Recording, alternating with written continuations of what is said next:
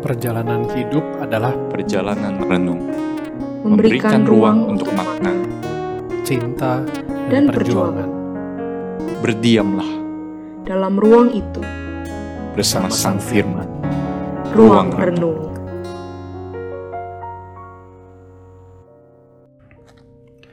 Kita akan melanjutkan perenungan kita dari Hakim-Hakim 17. Saya akan membacakan ayat yang pertama sampai ayat yang keenam. Ada seorang dari pegunungan Efraim, Mika namanya. Berkatalah ia kepada ibunya, Uang perak yang 1100 itu yang diambil orang daripadamu dan yang karena itu kau ucapkan kutuk. Aku sendiri mendengar ucapanmu itu, memang uang itu ada padaku, akulah yang mengambilnya. Lalu kata ibunya, diberkatilah kiranya anakku oleh Tuhan. Sesudah itu dikembalikannya lah uang perak yang 1100 itu kepada ibunya. Tetapi ibunya berkata, Aku mau menguduskan uang itu bagi Tuhan. Aku menyerahkannya untuk anakku, supaya dibuat patung pahatan dan patung tuangan daripada uang itu. Maka sekarang uang itu kukembalikan kepadamu. Tetapi orang itu mengembalikan uang itu kepada ibunya, lalu perempuan itu mengambil 200 uang perak dan memberikannya kepada tukang perak yang membuat patung pahatan dan patung tuangan daripada uang itu. Lalu patung itu ditaruh di rumah Mika. Mika ini mempunyai kuil, dibuatnyalah efod dan terafim. Ditabiskannya salah seorang anaknya laki-laki yang menjadi imamnya. Pada zaman itu tidak ada raja di antara orang Israel. Setiap orang berbuat apa yang benar menurut pandangannya sendiri. Pada tanggal 1 Juni kemarin ini, di tengah hiruk pikuk persoalan kematian George Floyd dan Black Lives Matter, Presiden United States Donald Trump berjalan dari White House menuju gereja Episkopal St. John. Yang cukup kontroversial, para aparat keamanan sebelum uh, Donald Trump berjalan ke sana membersihkan jalan dengan menggunakan gas air mata kepada orang-orang yang melakukan demo di sana di sekitar daerah Lafayette Square.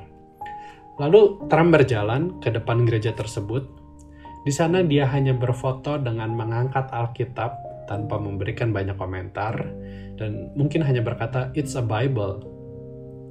Nah, tindakannya ini cukup menuai kontroversi.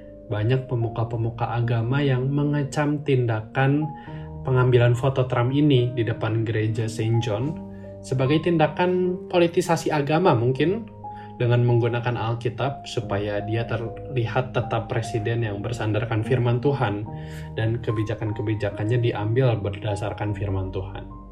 Bukan suatu rahasia lagi jika Trump pada 2016 didukung mostly oleh para kaum Injili Kristen. Dan di tengah goncangan isu politiknya saat ini dan menjelang pemilihan presiden November mendatang, saya juga menduga, menduga kuat tampaknya gerak-gerik Trump ini adalah usahanya memberikan citra positif dalam dunia perpolitikannya. Terlepas pemikiran dia yang bersifat konservatif sebagai orang Kristen, namun saya rasa kekecewaan para pendeta dan pimpinan gereja terhadap tindakan Trump ini adalah hal yang lumrah. Dan jika ini benar-benar tindakan kemunafikan Trump, berarti ia sedang memperalat Tuhan untuk kepentingannya sendiri. Tindakannya sangat religius, mengangkat Alkitab, berdiri di depan gereja. Tetapi pertanyaannya, apakah Tuhan berkenan terhadapnya?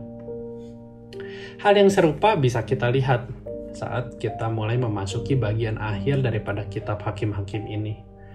Kebobrokan kepemimpinan dan religiositas orang-orang Israel semakin terlihat mulai dari institusi yang paling kecil yaitu keluarga di pasal 17 ini yang kita bisa lihat.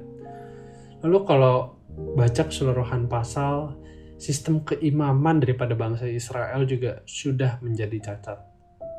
Ditulis di ayat 6 tadi, pada zaman itu tidak ada raja di antara orang Israel. Setiap orang berbuat apa yang benar menurut pandangannya sendiri.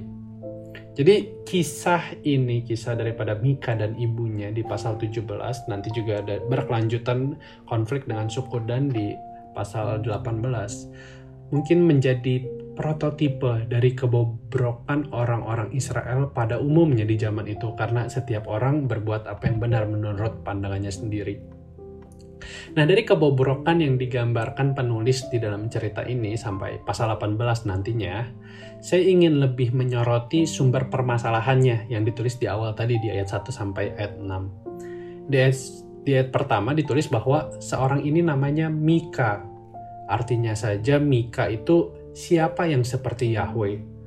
Terlihat dari namanya ia adalah mungkin orang yang terlahir dari uh, orang Yahudi yang ortodoks dari namanya Mika ya. Lalu dari narasinya muncul beberapa kali kata Yahweh, nama yang spesifik untuk Allah Israel. Jadi tidak menggunakan kata Adonai atau Elohim, tapi menggunakan Allah Yahweh yang spesifik nama daripada Allah Israel. Misalnya di ayat 2 kita bisa menemukan bahwa ibunya di sana memberkati anaknya atas nama Yahweh. Lalu di ayat 3 juga ditulis mendedikasikan uangnya itu untuk Allah Yahweh. Ayat 13 waktu uh, si Mika menentukan imam versinya dia sendiri, dia juga memohon Yahweh memberkatinya. Tapi banyak kejanggalan. Pertama di ayat kedua ditulis bahwa Mika sendiri mencuri uang ibunya. Dan setelah mamanya mengutuk, baru ia mau mengembalikannya lagi.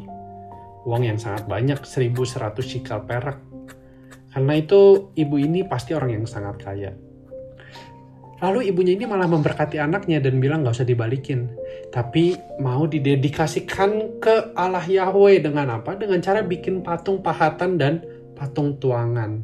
Sungguh sangat ironis digunakan untuk tujuan penyembahan berhala.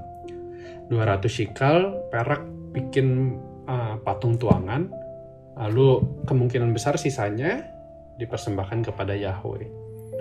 Lalu setelah itu Mika juga punya kuilnya sendiri. Dia desain sendiri dengan objek-objek penyembahan dia, seperti patung-patung tersebut. Padahal di ulangan 12 ditulis bahwa bangsa Israel harus menyembah Allah di tempat yang dipilihnya, di tempat yang Tuhan sendiri pilih. Ada juga dia buat terafim, gambaran berhala yang dianggap memiliki roh pelindung di dalamnya. Sungguh sangat kacau. Dan ayat 6 ditutup dengan kesimpulan bahwa mereka melakukan yang benar menurut pandangannya sendiri. Dan paragraf selanjutnya memperlihatkan bagaimana ia dengan bebas mengangkat imam ya, versi si Mika sendiri dari penyembahan berhala yang sifatnya di dalam rumah ini yang kecil nantinya menjadi konflik yang besar dengan salah satu suku yaitu suku Dan di mana nanti mereka mencuri berhalanya dan imamnya tersebut dari tangan Mika. Dan kedua pasal ini memberikan signifikansi besar nantinya bagaimana penyembahan berhala yang berpusat di Dan ini dijelaskan secara sejarah. Karena nantinya di zaman Yerobeam dibangun kembali pusat ibadah mereka berarti di Israel Utara itu, di Dan dan di Betel dengan gambaran-gambaran berhala mereka. Kali ini mereka menggunakan lembu emas dan imam-imam versi mereka juga yang bukan dari suku Lewi. Ini bisa lihat di satu Raja-Raja 12 ayat 30 sampai 31. Nah, teman-teman, sejujurnya saya sangat takut sekali ya melakukan dosa seperti ini. Saat Tuhan bisa menjadi berhala saya, saya melakukan itu atas dasar hmm, untuk memuliakan Tuhan. Saya melakukan ini untuk Tuhan, saya memberi ini untuk Tuhan. Tapi sebenarnya saya sedang membuat berhala saya sendiri. Saya sedang lagi membuat patung saya sendiri untuk melayani kepentingan saya. Karena dosa ini paling bisa dilakukan oleh orang yang paling merasa dekat dan merasa paling berdedikasi dengan Tuhan.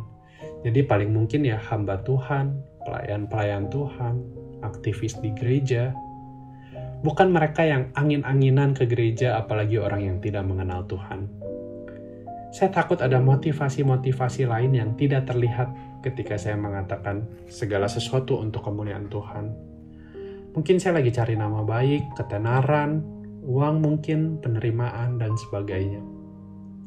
Saya memang tidak membuat patung pahatan, tapi saya sedang membuat Yesus versi saya yang harus mengabulkan plan pelayanan saya, yang mendukung zona nyaman saya sendiri di dalam tanda petik kuil saya ini. Well, kita punya juga lah kuil kita masing-masing atau kerajaan kita masing-masing.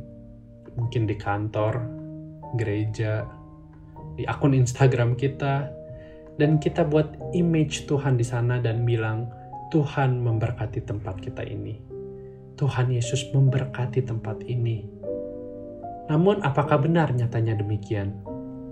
Saya mungkin usul jangan mudah buat kita untuk ngomong God bless you tanpa benar-benar kita katakan sepenuh hati. Nanti kayak ibunya Mika itu ya, dia ngomong Yahweh memberkati.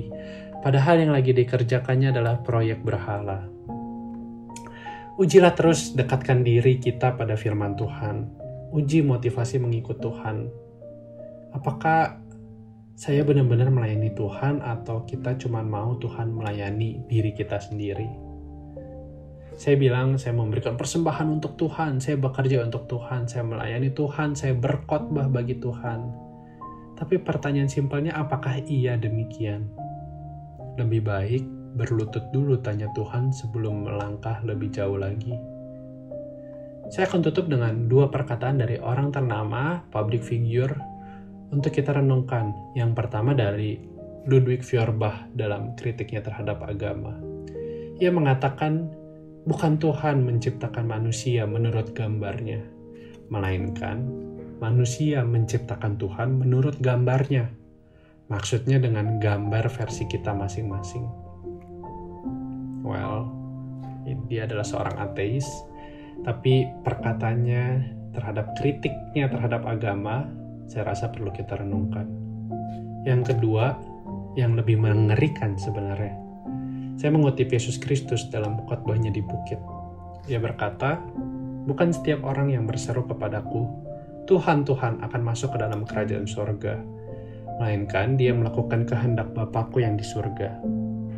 Pada hari terakhir banyak orang akan berseru kepadaku, Tuhan, Tuhan, bukankah kami bernubuat demi namamu, dan mengusir setan demi namamu, dan mengadakan banyak mujizat demi namamu juga?' Pada waktu itulah aku akan berterus terang kepada mereka dan berkata, Aku tidak pernah mengenal kamu. Enyahlah daripadaku kamu sekalian pembuat kejahatan. Sekali lagi, jangan pernah membuat Tuhan menjadi berhalamu.